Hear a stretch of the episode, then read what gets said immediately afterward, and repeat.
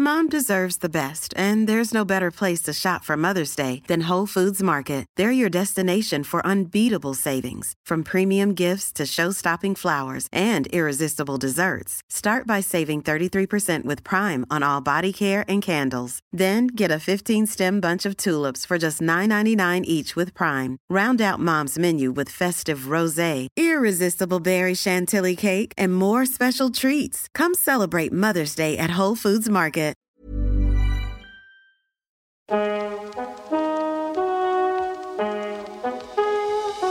Hallo allemaal, ik ben Van Poorten hier. Leuk dat je luistert naar Met z'n allen de podcast. Deze podcast is voor iedereen en met iedereen. Vanuit onze studio in Amsterdam buigen wij ons over jullie ingestuurde vragen. Want samen is beter dan alleen.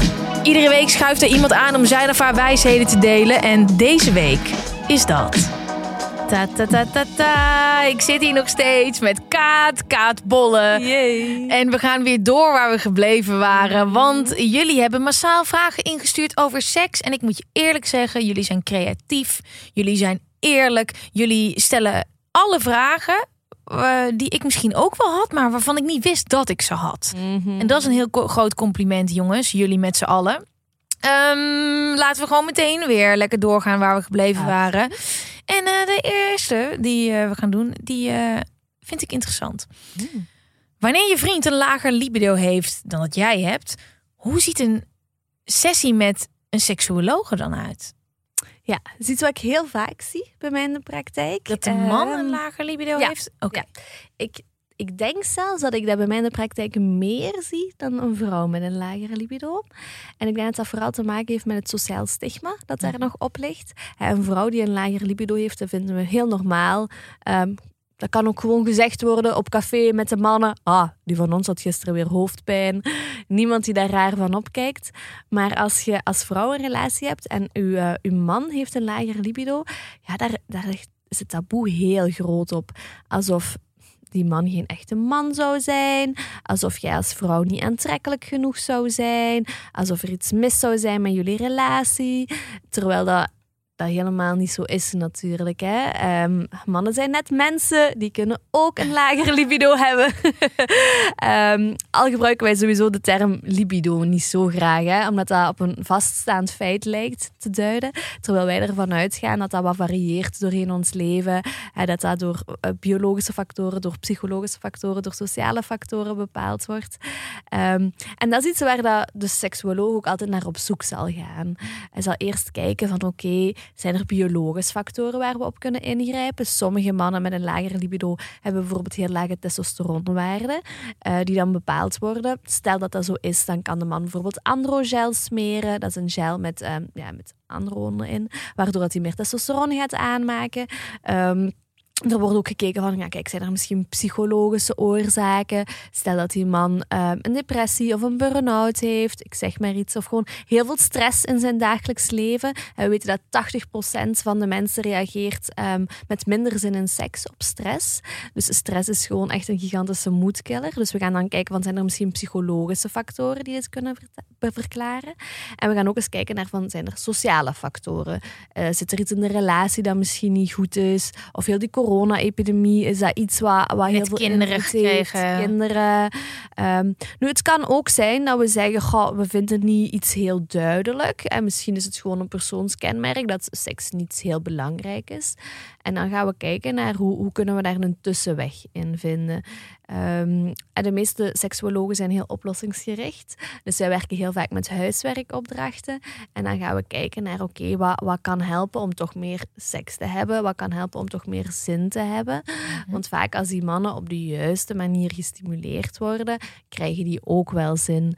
Maar eerst en vooral moet die druk eraf. Ja. En vaak voelen die mannen zich daar heel slecht bij. Ehm, vrouwen kunnen soms ook wel gemeen zijn en dan denigrerende opmerkingen maken van ach, maar mijn vorige partner die liet mij wel alle hoeken van de kamer zien. Of ehm, ach ja, en eh, ik ben hier precies de man in de relatie. Dus vrouwen kunnen soms onbedoeld ook wel heel pijnlijke opmerkingen maken. Ja, waardoor het zelfvertrouwen van de man alleen maar minder wordt. Dus we gaan eerst kijken wat zijn mogelijke oorzaken. We gaan ook kijken, kunnen we die druk een beetje wegnemen bij de man? Kunnen we, kunnen we seks gewoon terug iets leuk maken? Dat het niet te Mhm. beladen en niet te zwaar is.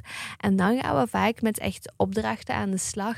En die zijn per koppel anders natuurlijk. Hè. Het is per koppel afhankelijk. Wat helpt goed? Eh, waar kunnen we op inzetten? En ook daar is altijd een beetje trial and error. Altijd een beetje uitproberen. Ehm, maar daar zijn zeker wel dingen rond, rond te doen. En als je twijfelt, gewoon lekker die eerste stap maken. Tuurlijk. Eh, want het kan misschien oncomfortabel voelen, maar weet ook, eh seksuologen hebben ook een be- beroepsgeheim. Zeker. Ehm, je kan daar terecht met je geheimen. En als je ongezien eh, de kamer binnen kan, wil komen, dan kan dat volgens mij ook wel gewoon geregeld worden. Eh, toch? Ja, als dat echt moet. Maar Allee, ik zie ook heel vaak dat mensen het heel spannend vinden om de Ja. eerste keer te komen. Ik heb heel veel mensen die de eerste keer niet slapen de nacht op voorhand. Maar als ze ene keer bij mij op de zetel zitten, dan zien ze dat het helemaal niet zo raar is. Dat het inderdaad Nee. gewoon is zoals wij nu aan het babbelen zijn. Dat het gewoon best relaxed is. Ja. En, en dat wij ook gewoon op een normale manier over seks praten, waardoor dat zij ook op een normale manier over seks kunnen praten. Dus het lijkt allemaal heel eng, totdat je op de zetel zit. En dan valt het, dan valt het eigenlijk heel vaak wel mee. Ja, en tot je erachter komt dat het iets is wat je kan fixen. Of waar je een middenweg in kan vinden, waardoor je leven lekkerder wordt. Absoluut. Ja. Volgende vraag. Yes. Hoe kan je zelf een spannende en leuke eerste stap zetten richting seks zonder jezelf op te dringen? Een man. Ah, kijk. Ehm, ja, ik denk ook hierbij dat het, dat het waarschijnlijk niet zo moeilijk is. Hè? Ik denk ehm, dat inderdaad die zoen waar we het over hadden, het lichamelijk contact, dat zijn gewoon al hele leuke manieren om, om contact te zetten, eh, te maken, om ook aan te geven van ik heb wel zin in meer. Ja, natuurlijk als je in een vaste relatie zit, kun je het ook eh, spannender maken en kun je stoute briefjes verstoppen of kun je foto's sturen. Ehm, maar iemand die ik niet ken, daar zou ik als man en als vrouw eigenlijk ook niet, niet meteen op een spannende manier initiatief nemen. Want dan denk ik, ha, hmm, dat is spannend, dat kan al heel snel grensoverschrijdend zijn. Dus op een spannende manier initiatief nemen zou ik eigenlijk alleen in een langdurige relatie doen, waarvan je weet, mijn partner gaat dat appreciëren, die gaat dat tof vinden. Ehm, in een, in een, als je nog geen relatie hebt, dan zou ik... eh, dan zou ik niet op een spannende manier initiatief nemen. Nee, dus dan eh, ehm, een leuke manier. Hij vraagt een leuke manier. Ehm, ja, je, je, je kan er niet omheen dat het uiteindelijk gevraagd moet worden. Mhm. Maar die tips die je net zegt, een briefje sturen, leuk berichtje sturen, Kan ook. leuk hè? complimentje maken. Kan, kan ook, hè? dat kunnen ook manieren zijn. Maar dan zou ik gewoon wel oppassen met de foto's die je stuurt. Geen dickpics. Voilà. Nooit een dickpic. Hou op zeg. Maar ik heb nog nooit een dickpic gehad dat ik denk ook niet van eh, iemand waar ik wel verliefd op was. Waarvan ik dacht, nou, Hier wil ik even opkruipen. nee. Nee, toch? Nee. Maar wat is dat dan? Maar, maar kan jij dat vertellen? Waarom denken mannen dat wij vrouwen opgewonden worden van dickpics? We roepen ook vaak genoeg dat we er niet opgewonden van raken. Ja, ik, ik denk dat er een heel aantal mannen zijn die dat wel weten, dat vrouwen er niet opgewonden van worden, maar die er zelf opgewonden van worden. Het is zo'n beetje een, een virtuele manier van exhibitionisme. En er zijn best wel veel mensen die opgewonden worden van exhibitionisme. Dus ik denk dat er best veel mannen zijn die het eigenlijk wel goed genoeg weten, maar die het zelf opwindend vinden. Eh Dat gelukkig. je dan mij daarmee lastig moet vallen. Ja, ik denk meteen aan mijn inbox. Oh, ja, Ja, maar- ja, jij ook. Ja, natuurlijk, ja. ja. Dat ze ons daarmee lastig vallen. ja. Met, met dat zij er lekker op gaan. Ja, dat is, dat is ook grensoverschrijdend seksueel gedrag. Hè? Dus het is sowieso nooit oké om een dikpik te sturen naar iemand die je niet kent, die daar niet mee heeft ingestemd. Ehm, nu, ik, ik kan me voorstellen dat sommige mannen die dikpik stuurden, praat in het verleden, dat die misschien nog iets wat onschuldig waren, omdat die dat zelf misschien wel sexy zouden vinden om zo'n foto van een vrouw te krijgen. Maar ik praat heel duidelijk in het verleden, want ik denk dat, dat het nu al zo duidelijk is in de media en overal dat vrouwen dickpics niet sexy vinden. Uh, zeker niet als het ongevraagd onze inbox komt insliden. Nee, dus ik schrikken ik altijd. denk dat er echt geen dat er echt geen excuus meer is om dickpics te sturen in 2022. Heb jij er nog eentje gehad recent? Ik niet eigenlijk, nu ik zo erover nadenk. Nee. Ja. Jawel? Nee. Echt? Ja. En die leest de krant niet. Ja. Ja, of die kikt daar inderdaad op, hè? Juist nu, nu het niet mag. Ja. Ja. Ja, ik, ja, het is echt niet oké. Het, het, heeft ook vaak zoiets agressief, vind ik. Ik vind het zo, dat ik, want vroeger, daarom kijk ik ook nooit meer in mijn inbox. Dus in ieder geval iedereen die mij probeert te DM'en, ik lees DM's niet. Dus als je echt heel graag contact met me wil, uh, is dat uh, dankzij of via mijn management, mede dankzij de dickpics. Dus alle mannen die dickpics stuurden en rare berichten, daardoor kijk ik eigenlijk nooit meer in mijn DM's. Niet, niet voor zakelijke dingen, niet voor weet ik veel wat iedereen allemaal stuurt.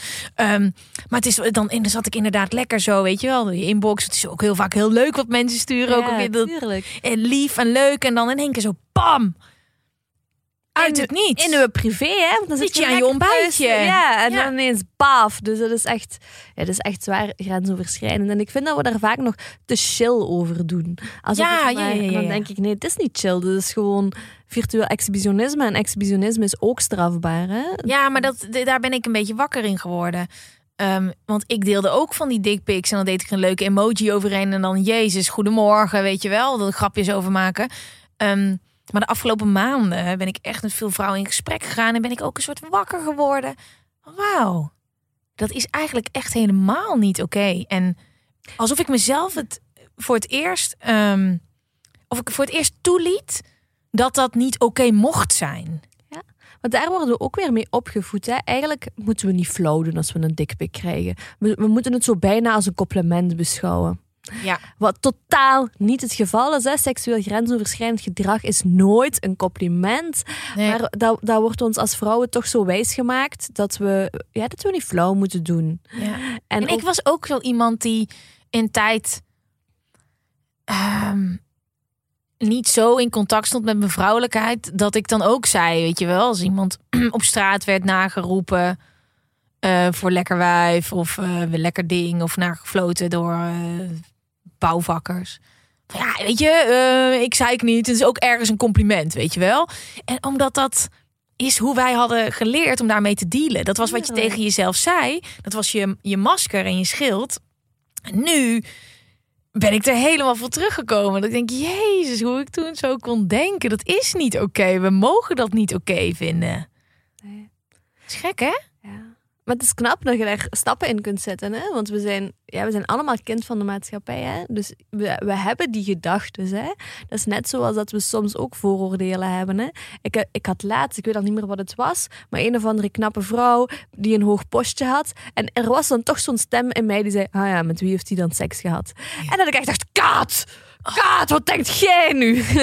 maar dat was ook gewoon dat geïnternaliseerd stemmetje. En dan denk ik: Oké, okay, Kaat je mocht het horen, maar we gaan er niet naar luisteren, want dat is niet wie je wilt zijn. Ja. En ik denk dat dat, dat, dat oké is. We hebben allemaal nog van die gedachten, inderdaad, die, die nog zo stammen uit onze prehistorie, die niet helpend zijn. Nee. En dan is het gewoon goed om je als mens te ontwikkelen en daarvan los te komen en te durven zeggen van, oh ja, nee, vroeger pakte ik het misschien niet zo handig aan. Mm -hmm. Dus dat is oké, hè, zolang we maar blijven leren en groeien. Ik vind het ook wel interessant wat al dat seksueel overschrijdende gedrag waar wij vrouwen bijna allemaal wel mee te maken hebben. Vaak en veel. En hoe meer we er ons in verdiepen, hoe meer naar boven komt drijven, hoe meer we het ook toelaten. Als ik om me heen kijk, vriendinnen, collega's, mensen die mij berichtjes sturen. Uh, die zeggen, jezus, er komt in één keer een berg los. Hè, met alles wat de afgelopen tijd is gebeurd. Het hele schandaal rondom The Voice. De ene hoge pief naar de andere die omvalt. Uh, Um, dat we in één keer met terugwerkende kracht een soort van tsunami krijgen. Dat had ik. Dat durfde ik eigenlijk niet eens toe te geven. Totdat ik in mijn stories Lise Korpershoek zag. Die is ook de gastgeest in de podcast. En Lise zei: Fuck, ik heb vannacht niet zo goed geslapen door het hele The Voice uh, ding. Uh, wat eigenlijk natuurlijk ver van mij en ook van haar afstaat naast dat Tim het heeft gemaakt. Maar we, we hebben allebei niet gezongen in The Voice. Ehm, en toen dacht ik, wow, ze heeft ook slecht geslapen. Ik heb ook slecht geslapen. Wow, dus dat mag. Dus ik ben geen aansteller, want het heeft eigenlijk niks met mij te maken. Maar er komt een hoop los. En, en, nou, ik, en toen heb ik er wat over gezegd. Nou, toen kreeg ik een tsunami van berichten van vrouwen die hetzelfde hadden. Maar nu wij dit allemaal voelen, hè. Oh, die gast die op mijn veertiende aan mijn kont zat. Trouwens, ieder weekend. Het is gewoon heel normaal dat je vanaf het moment dat ik uitging... dat er altijd mannen de hele avond aan je zitten. Op straat dat je je niet veilig voelt. Altijd met je sleutels in je hand lopen. eh, achterom kijken. Bang zijn. Je onveilig voelen. Nagesproken worden. Wij vrouwen worden allemaal wakker. Hè? En ik vraag me dus af. Speelt dat een rol met hoe wij ons gedragen in de slaapkamer? Oh.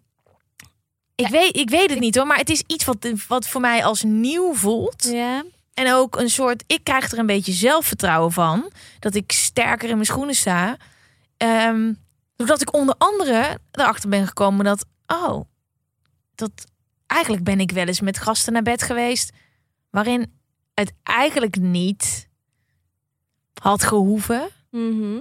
Waarin ik het eigenlijk misschien niet wou. Nee, maar dat dat dan toen, ach ja, want we zijn nu toch al zo ver gegaan. Ja, ik durf echt niet meer te zeggen dat ik dan niet meer.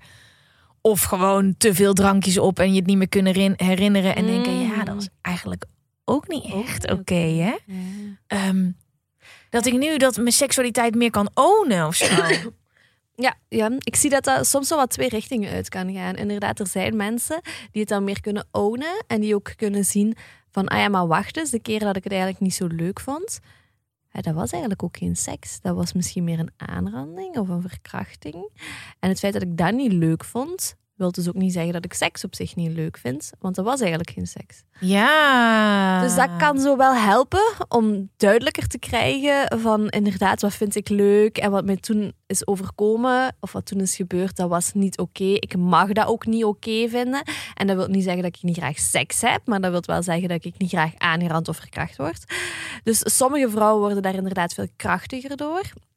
Er zijn ook vrouwen die er ehm, soms wat door gehertraumatiseerd worden, waar er Mhm. inderdaad zoveel terug naar boven komt en die dan echt wel even verstijven, die het ook veel moeilijker hebben met hun seksualiteit en die daar opnieuw een, een weg in moeten vinden. Want het is ook pas als je echt kunt zien van wow, dit is niet oké geweest, dat je het kunt begin- beginnen te verwerken natuurlijk. Het is een soort doosje ehm, die, dat open gaat.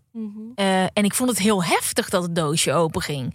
En dat er in één keer vanaf mijn veertiende allemaal herinneringen kwamen van dingen dat ik, ja, maar kom op, ik zei ik niet. Weet je, het- is normaal dat je dan vroeger altijd uitging. Ik weet niet of je dat herkent. En dan met meisjes ging je elkaar gewoon beschermen. En dan was het niet dat als er vijf gasten aan je kont hadden gezeten die avond of aan je hadden gezeten. En daar was ik altijd echt wel heel fel in. Ehm, maar dat je dan niet tegen je ouders zei de volgende dag of tegen je vrienden van nou, er hebben weer vijf mannen onder mijn rokje gezeten.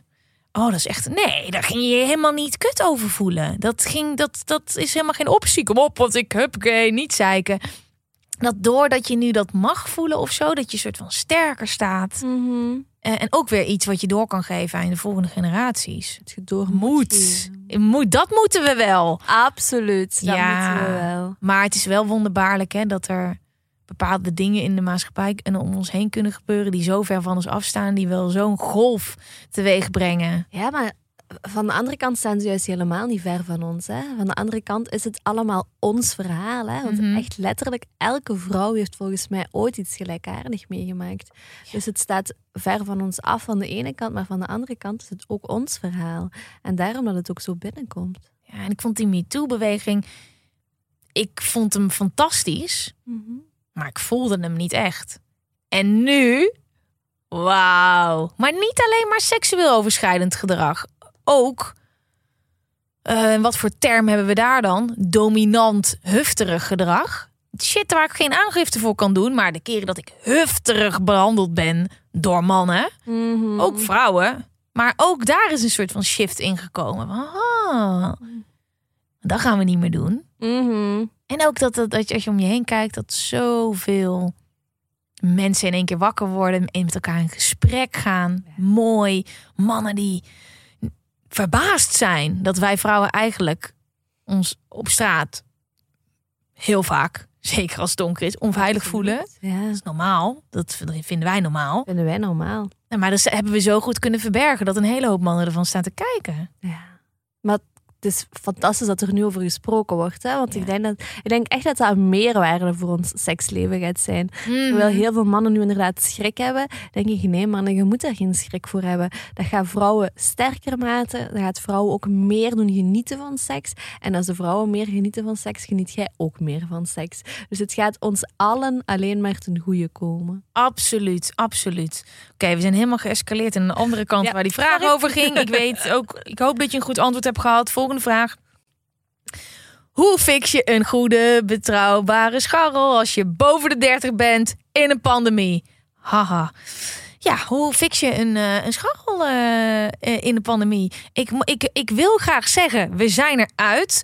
Maar de afgelopen twee jaar dat ik deze podcast opneem, als ik hem terugluister, denk ik bijna, grapjas. Als, we- als we eruit zijn. Maar ja, oké, de wereld ziet er nog steeds anders uit dan dat hij er ooit uitzag. Mhm. Hoe fix je een scharrel? Ja, de meeste mensen doen dat dan on- online. Hè? Dus eh, via Tinder, Bubble, ehm, andere opties. Ehm, ik zou dan sowieso aanraden om wel eerst even te gaan wandelen of iets te gaan drinken. Dat je toch een beetje weet welk vlees je in de kuip hebt. Ja. Eh, dus ik denk dat dat sowieso wel belangrijk is. Ik zou niet meteen afspreken ehm, bij iemand zijn thuis of bij u thuis. Doodeng. Ja, ik ben oké. ik ben dan echt een beetje een oud wijf hierin. Maar dat je dan iemand online ziet en je weet hoe verraderlijk foto's kunnen zijn. Mhm. En dat je, je weet, oh, ik, ik ben zo vaak afgeknapt op geur. Oh ja, dat is een hele belangrijke. En dan staat hij voor de deur. En dan bij jou.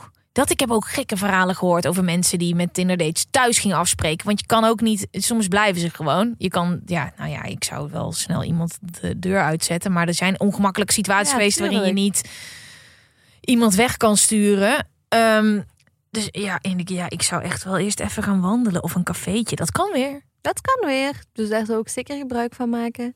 Ja. Ehm, en voor de rest denk ik ehm, op vlak van scharrelen altijd zeer duidelijk zijn over je intenties. Wat wilt je wel, wat wilt je niet? Spreek dat op voorhand goed af. Eh goede afspraken maken, goede vrienden. Maken ook goede seksvrienden. Dus zorg ervoor dat je het duidelijk benoemt. eh, dat iedereen weet waar dat hij aan begint. Ja. Ehm, En ik heb nog een kleine tip, wat bij mij wel hielp. En dat is eigenlijk nooit echt. Ja, daardoor ging het ook uiteindelijk weer mis. En ben ik tot de conclusie gekomen dat ik gewoon geen seks meer wilde hebben met mensen waar ik niet verliefd op ben. Maar als je dus echt een scharrel wil en je hebt echt, je wil echt geen relatie. Dat kan een hele hoop redenen hebben. Je wil je Mhm. focussen op je werk. Je bent er niet aan toe. Je bent er mentaal niet aan toe. mhm. Eh, je wil echt geen relatie.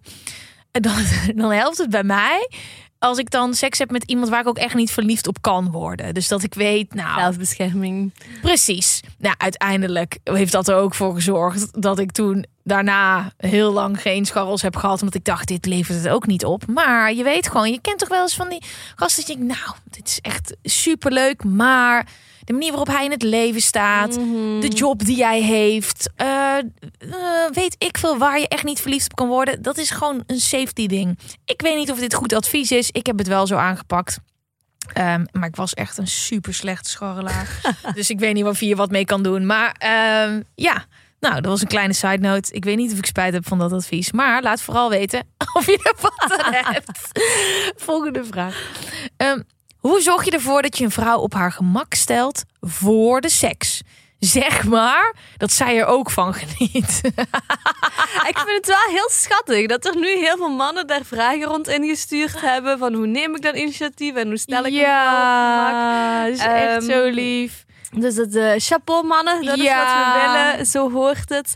Eh, ja, ik denk ook gewoon door met die vrouw te spreken. Door gewoon met haar te praten. Er is maar één manier waardoor je erachter kunt komen of een vrouw zin in seks heeft. En dat is door het haar te vragen. Al de andere manieren zijn geen goede manieren. Dus de enige manier is, is het haar te vragen. Heeft ze zin in seks? En als je zegt, oh, maar daar zitten we nog niet. Ik wil gewoon dat ze een leuke avond heeft. Kun je ook gewoon dat vragen. Voelt je op je gemak? Is er iets wat je kan doen om je meer op je gemak te voelen? Ehm, spreek er gewoon over. Ja, en dat hoofdstuk daarvoor. Als je de hele dag op elkaar aan het katten bent en ehm, eh, je gooit je boxer naast de wasmand en je zet de borden in eh, de wasbak in plaats van in de vaatwasser. Ik noem maar dingetjes, maar Mhm. ook dat soort dingen, als die lopen op een dag. En je zegt, hé, hey, eh, hoe was je dag? Of je legt eens een hand op ter beeld terwijl ze de wasmachine aan het inruimen is. Dan is zij het alsnog aan het doen, maar je snapt wat ik bedoel. Kleine dingetjes, Ja, absoluut. die zijn al zo fijn. Dat je gewoon geïnteresseerd bent, is al, dan staat de deur echt al op een kiertje. In plaats van dat je de hele dag op je telefoon zit. En eh, in één keer dat je s'avonds denkt, nou, ik heb er wel zin in. En dan in één keer denkt, hé, hey, lieverd, hoe gaat het? Ja, we zeggen wel eens, hè, voorspel voor de, voor de volgende vrijpartij begint na de laatste vrijpartij. Mm, haha, ja. En die kleine dingetjes is inderdaad allemaal al voorspellen. Hè. Dus voorspel is niet gewoon 10 minuten voor de penetratie. Nee, voorspel is alles wat je in je relatie doet. Dat emotionele intimiteit in goede komt, dat de fysieke intimiteit in goede komt. Dus eh, voorspel zou eigenlijk overal wat in verweven horen te zijn. En dat klinkt misschien een beetje veel voor je, maar oefening baart kunst. Absoluut. En het is ook gewoon leuk, hè? Ja, het is precies. Het is gewoon leuk. Het is Hey, gewoon Het is leuk. gewoon leuk. Ja. Volgende vraag. Waarom denken mannen zo vaak dat vrouwen penetratie het fijnste vinden? Omdat ons dat geleerd wordt. ja. Ook eh, op school, als we seksuele voorlichting hebben, het gaat bijna nooit over manuele seks of over orale seks. Het is bijna altijd de penetratieseks. Als we porno kijken, zit er misschien soms een beetje orale seks bij, maar het draait toch al heel snel uit op penetratieseks, wat ook het grootste deel van de pornofilm in beslag neemt. We worden gewoon nog heel fel gebiased door het feit dat penetratieseks het belangrijkste zou moeten zijn en dat vrouwen dat zo fijn zouden vinden. Eh, vrouwen kunnen dat ook wel fijn vinden, maar ik zeg wel eens, er zijn, er zijn honderden manieren om seks te hebben en penetratie is daar eentje van. Maar er zijn ook heel veel andere manieren die vrouwen vaak stimulerender vinden, opwindender vinden, waar ze sneller van klaarkomen. Dus er is niks mis met penetratie, maar we maken het een beetje te belangrijk, denk ik. Het spectrum is veel breder. Mm, Ik heb een langere vraag. Yes. Mm-mm-mm. Komt-ie. Beste Gwen, podcastgast. Waarschijnlijk geen alledaags onderwerp, maar ik durf het hier anoniem toch wel te stellen. hey, dat is een heel groot compliment. Ik ben 37 jaar en nog maagd. Ik ben niet op zoek naar een relatie en ik ben ook nooit, er nooit echt mee bezig geweest. Maar nu ik wat ouder ben, krijg ik wel steeds meer de behoefte om seks te hebben. Ik heb wel eens een erotische massage genomen en ook wel eens gedacht aan een escort service. Deze stap durf ik niet goed te nemen en ik vind contact met vrouwen ook wel lastig, omdat ik erg verlegen ben. Weet niet goed hoe ik hiermee om moet gaan. Misschien enig advies, tips, ervaringen, groetjes, anoniem. Anoniem. Ja, en jij, en jij zei het al, hè, dat gebeurt veel. Ja, absoluut. We zien dat de leeftijd eh, waarop mensen voor de eerste keer seks hebben, dat die ook gewoon aan het toenemen is. En dat die nu al op 18,5 zit. Maar dat er ook gewoon heel veel mensen op latere leeftijd nog geen seks gehad hebben. Wat op zich ook niet erg is. Als je daar zelf de behoefte niet aan hebt, dan is dat ook helemaal oké. Maar inderdaad, zoals deze meneer schrijft, als op een bepaalde leeftijd die eh, behoefte er wel komt, ja, dan is het wel interessant om te kijken hoe kan ik die behoefte dan invullen. Ehm, en dan zijn er verschillende opties. Hè. Je kunt gaan daten. En dan wel eerlijk zijn over het feit dat je vooral seks wilt. Want ik hoor niet dat hij echt op zoek is naar een relatie. Niet echt. En niet echt. Dus dan denk ik wel dat het belangrijk is om daar eerlijk over te zijn. Eh, ja, ik denk dat een escort service ook altijd wel een goede optie kan zijn. Ehm, want er zijn ook wel gewoon veel dames eh, die escortwerk doen bijvoorbeeld, ja, die het gewoon super leuk vinden. Want ik voel dat heel veel mannen vaak de stap naar sekswerk niet durven te zetten, omdat ze denken dat het allemaal gedwongen prostitutie is, wat heel vaak niet het geval is. Hè. Er zijn ook echt wel vrouwen die in de prostitutie zitten omdat ze het fijn vinden. Mhm. Dus als je gewoon je best doet en een sekswerker uitzoekt waar je je bij op je gemak voelt, denk ik dat dat op zich ook gewoon een hele mooie eerste keer kan zijn. Omdat je dan ook iemand hebt die weet wat dat hij doet, die daar tijd voor kan nemen, waarbij je ook niet schuldig hoeft te voelen of waar dat er geen onrealistische verwachtingen zijn. Dus op zich denk ik dat dat zeker wel een optie is. Ik weet, ik weet niet waarom dat hij het nu niet goed durft of wat dat hem tegenhoudt. Maar op zich denk ik dat, ehm, dat dat zeker een optie moet kunnen zijn. En je kan toch ook met een escort, in ieder geval, je hebt een hele hoop verschillende, maar uit eten gaan. Je hele Dus ga de eerste wine and dine eten experience. En dan kun je nog zien, klikt het? Is het een vrouw waarbij het oké zou voelen voor mij? En dan, dan kun je daarna nog zien. Hè? Volgens mij zijn er zelfs escortbureaus die gespecialiseerd zijn in het Mhm. ontmaagden. Ja, hè? absoluut. Ont, ontknaapservice. Ontknaapservice. Ja. Is dat hoe ze dat in België noemen of ook in Nederland? Ik denk in Nederland. Ik denk zelfs niet dat we dat in België hebben. Ik denk dat we de grens over moeten om ontmaagd te worden. Ja, dat is waarschijnlijk wel waar, ja. Maar ehm, ja, goed dat je de vraag stelt. Je bent absoluut niet alleen. Er is helemaal niks mis met een escort service. Ehm, en, en deze dames zijn gespecialiseerd in eh, mannen die wat meer verlegen zijn. En wie Mhm. weet, kruip je daardoor wel uit je schulp en word je daardoor zelfverzekerder. Ehm, misschien is dit juist voor jou helemaal de way to go. Misschien denk je daarna, oh, ik zou ook wel eens seks willen hebben, misschien met een vrouw die ik spontaan in het veld leer kennen. Ja. Hmm, heel veel succes daarmee. Ik, Mhm, ik hoop dat je wat aan de vraag hebt gehad. Hey, en als dit nou gelukt is, kan je dan even een bericht sturen, anoniem? Dan, eh, ja, ik zou dat gewoon leuk vinden. Ja, ik zou dat gewoon leuk vinden. Eh, volgende vraag. Een wat langere vraag. Ik ben met iemand geweest die seksverslaafd was en het gebruikte als afleiding. Voelde hij zich niet oké, dan moest hij obsessief seks hebben. Door deze toxic relatie voelt het nu met mijn huidige relatie alsof ik seks moet hebben. Mijn huidige vriend is onwijs begaan, maar ik struggle nog wel met het gevoel dat ik me gedwongen voel. Hoe kan ik ervoor zorgen dat ik me weer wat meer relaxed in mijn lichaam voel en daar zelf ook weer van kan genieten? Ik praat er al over met mijn vriend. Ik zou graag tips willen voor mezelf. En dan een hele mooie PS. Door jouw podcast ben ik me meer in mezelf gaan verdiepen en het heeft me ontzettend veel gebracht. Keep up the good work, please. Oh, en als het kan, graag anoniem. Oh, ja, mooi. En wat een eh, fijne vraag. Klinkt ook echt al alsof ze bezig is met wat zelfonderzoek. hè? En dus je bent erachter gekomen dat je je nu op dit moment niet comfortabel voelt in je eigen seksleven door een voorgaande relatie. Ehm, hoor je dit vaker? Helaas wel.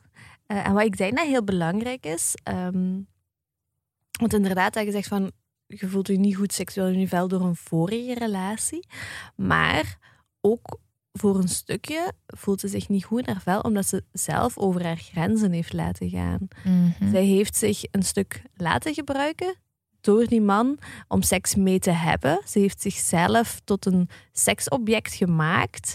En ze is blijkbaar bij hem in een relatie gebleven, terwijl ze wist dat hij seksverslaafd was, terwijl dat zij aan zijn grillen moest voldoen. En ze heeft, ze heeft zichzelf daarin niet voldoende beschermd. Ja. Ik denk als je een vrouw bent die krachtig in haar schoenen staat, dat je zoiets meemaakt, dat kan gebeuren. Hè? Dus ik wil absoluut geen victim blaming doen.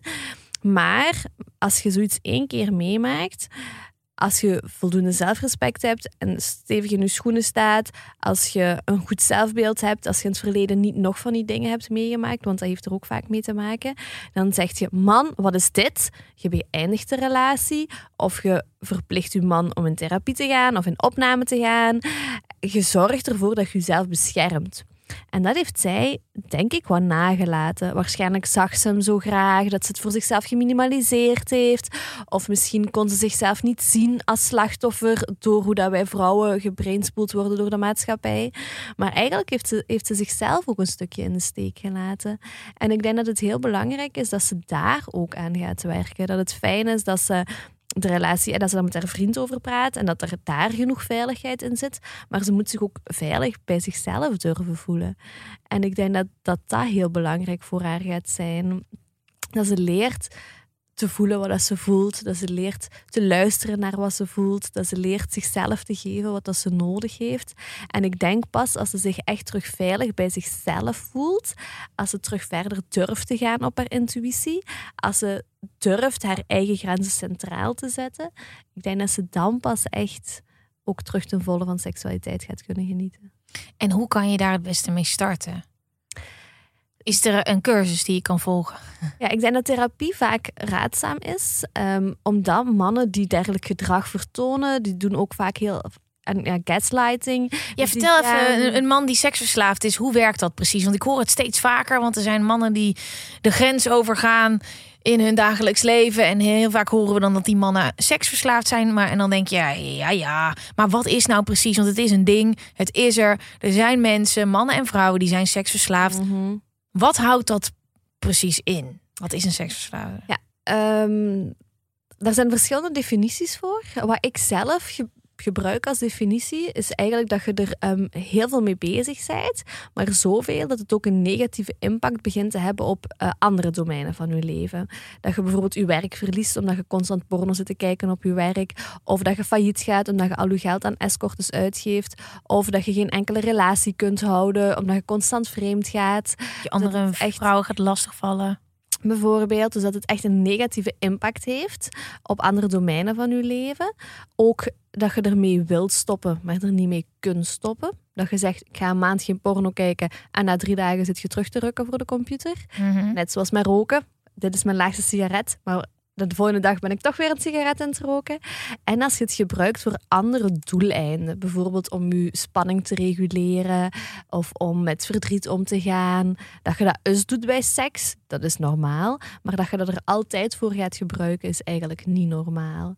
Dus ik denk als het echt een negatieve impact heeft op andere levensdomeinen, als je het zelf niet meer in de hand hebt, je gedrag, en als je het gaat gebruiken als copingmechanisme om om te gaan met andere moeilijke gevoelens, dan is de kans heel groot wel dat er een, een verslavend aspect in aanwezig is.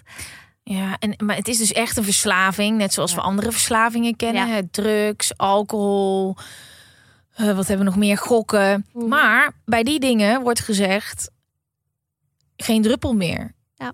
Ook niet een beetje kooksnuiven. Ook niet één dag in de week gokken. Hoe gaat dat dan met een seksverslaafde? Die ja, die gaat wel ooit weer seks hebben. Ja. Maar en hoe kan je dat dan reguleren? Ja, meestal proberen we dan eh, te kijken naar welke manier van seks is wel oké voor jou, welke manier van seks is ook oké voor je partner. En dat we dan bijvoorbeeld kijken alleen seks eh, binnen het huwelijk. Dus geen porno, geen prostituees, geen massages met een happy ending, maar alleen seks met de partner. En daarbinnen wordt dan ook bekeken, oké, maar wat voor seks dan met de partner? Dus vaak gaan we dan kijken, ehm, de anonieme seksverslaafden gaan zo ver dat er echt al een, een zes maanden een relatie moet zijn of dat er zelfs al getrouwd moet zijn.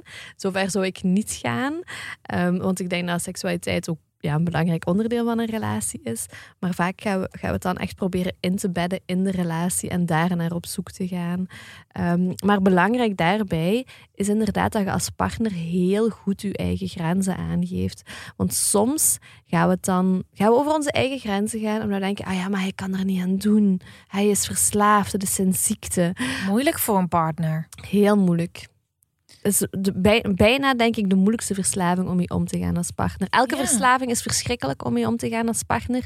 Want je partner verandert in iemand die je niet kent, die je niet wilt zien, die hij waarschijnlijk zelf niet wilt zijn. Dus elke verslaving is verschrikkelijk voor een partner. Maar een seksverslaving is, ja, is vaak echt verschrikkelijk verwoestend.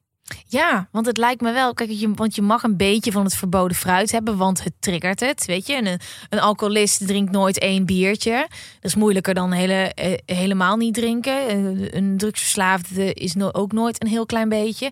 Maar je, je mag dan dus wel seks hebben, maar dan moet je wel binnen de lijntjes blijven kleuren. Lijkt me heel ingewikkeld. Ja, daarom dat die mensen ook in therapie moeten natuurlijk. En we zien ook wel vaak dat mensen die seksverslaafd zijn, niet altijd, maar heel vaak ook aandachtsverslaafd zijn. En dat ze het vooral ook doen om de aandacht die ze krijgen. Ehm, en die, die eh, heel vaak hebben mensen met, met een seksverslaving een heel laag zelfbeeld. Hebben die een slechte band met een van hun beide ouders gehad. En hebben die eigenlijk het gevoel dat ze niks waard zijn. Heel vaak hebben die een soort van gat in hun zelfbeeld zitten. Wat die dan proberen op te vullen met seks. Maar ja, dat is zo een, een bodemloze put. Hè. Je kunt daar wel ervaringen insteken, maar dat valt daar ook weer door. Waardoor dat die weer op zoek moeten naar nieuwe ervaringen om, om dat gat te vullen. En dat kunnen ze wel genezen door therapie. Ja, inderdaad. Die put kun je dempen. Die put kun je dempen. Maar je zei net ook dat eh seksverslaafden heel vaak aan gaslighting doen.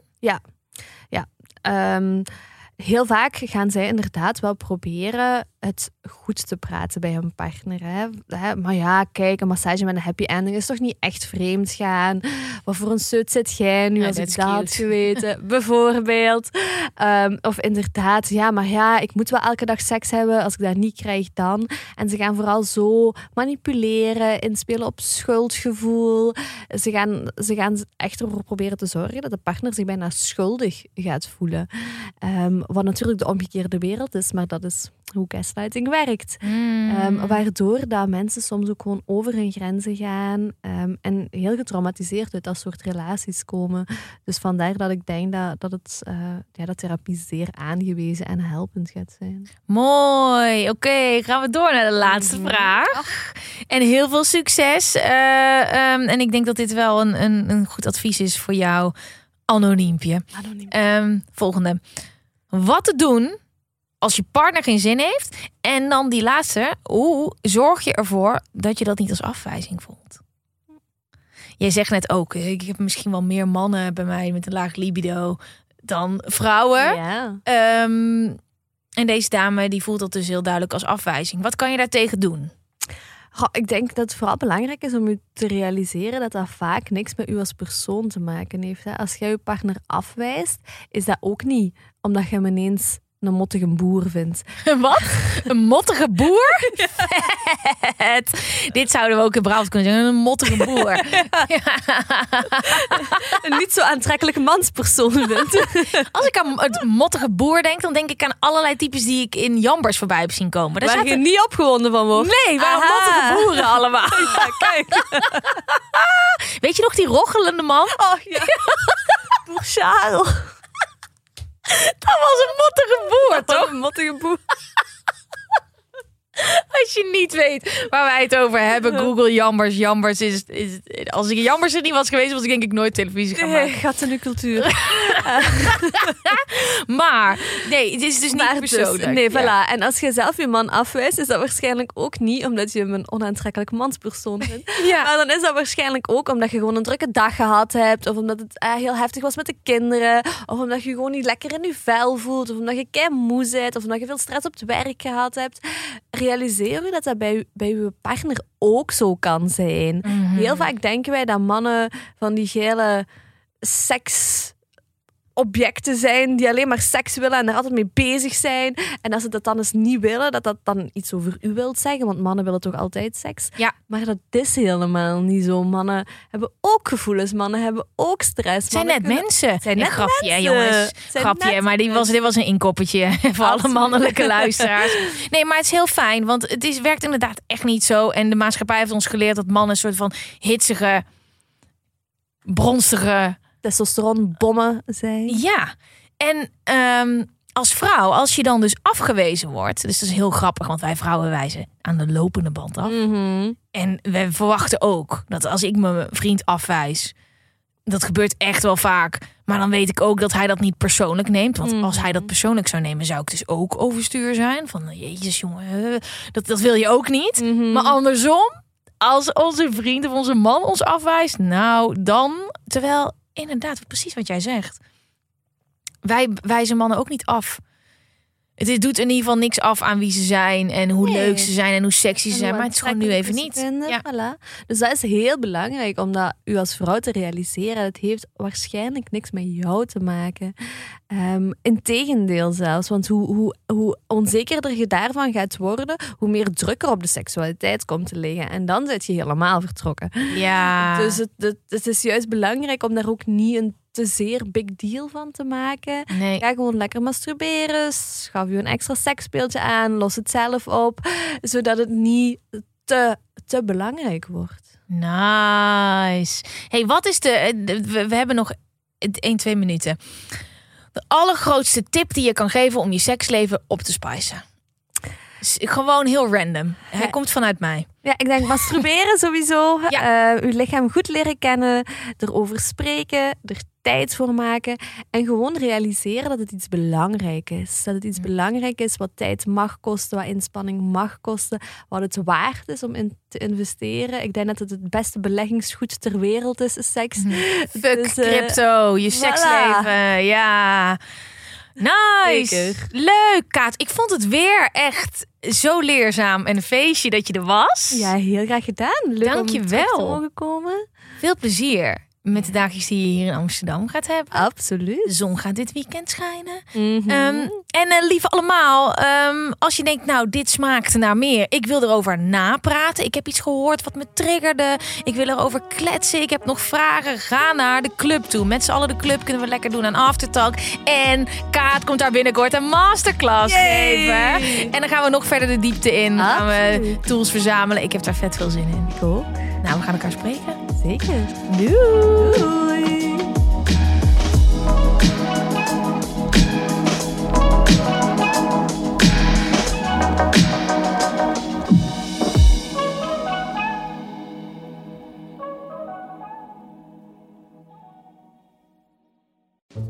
Wil jij adverteren in podcasts van Tony Media en staan waar voorheen bol.com of Coca-Cola stonden? En wil je dat dit ontzettend saaie spotje wordt vervangen door een hele leuke reclame? Mail naar adverteren@tonymedia.nl. Weet je waar ik zo'n tyfushekel aan heb? Toeristen, als het te druk is in de stad, zelf koken. Ja, alles wat je nu zojuist benoemt. En daarom maken jij, denk Daan Hogevorst, Ja, Robert Rodenburg. een podcast waarin we alleen maar klagen. Want klagen is HET medicijn tegen het collectieve leed wat maandag heet. Dus elke maandagochtend een nieuwe te horen op je favoriete podcast-app. Maandag Klaagdag! Jezus, zingen moeten wij nooit doen. Hey, it's Danny Pellegrino from Everything Iconic. Ready to upgrade your style game without blowing your budget? Check out Quince. They've got all the good stuff shirts and polos, activewear, and fine leather goods, all at 50 to 80% less than other high end brands. And the best part? They're all about safe, ethical, and responsible manufacturing. Get that luxury vibe without the luxury price tag. Hit up quince.com slash upgrade for free shipping and 365 day returns on your next order. That's quince.com slash upgrade.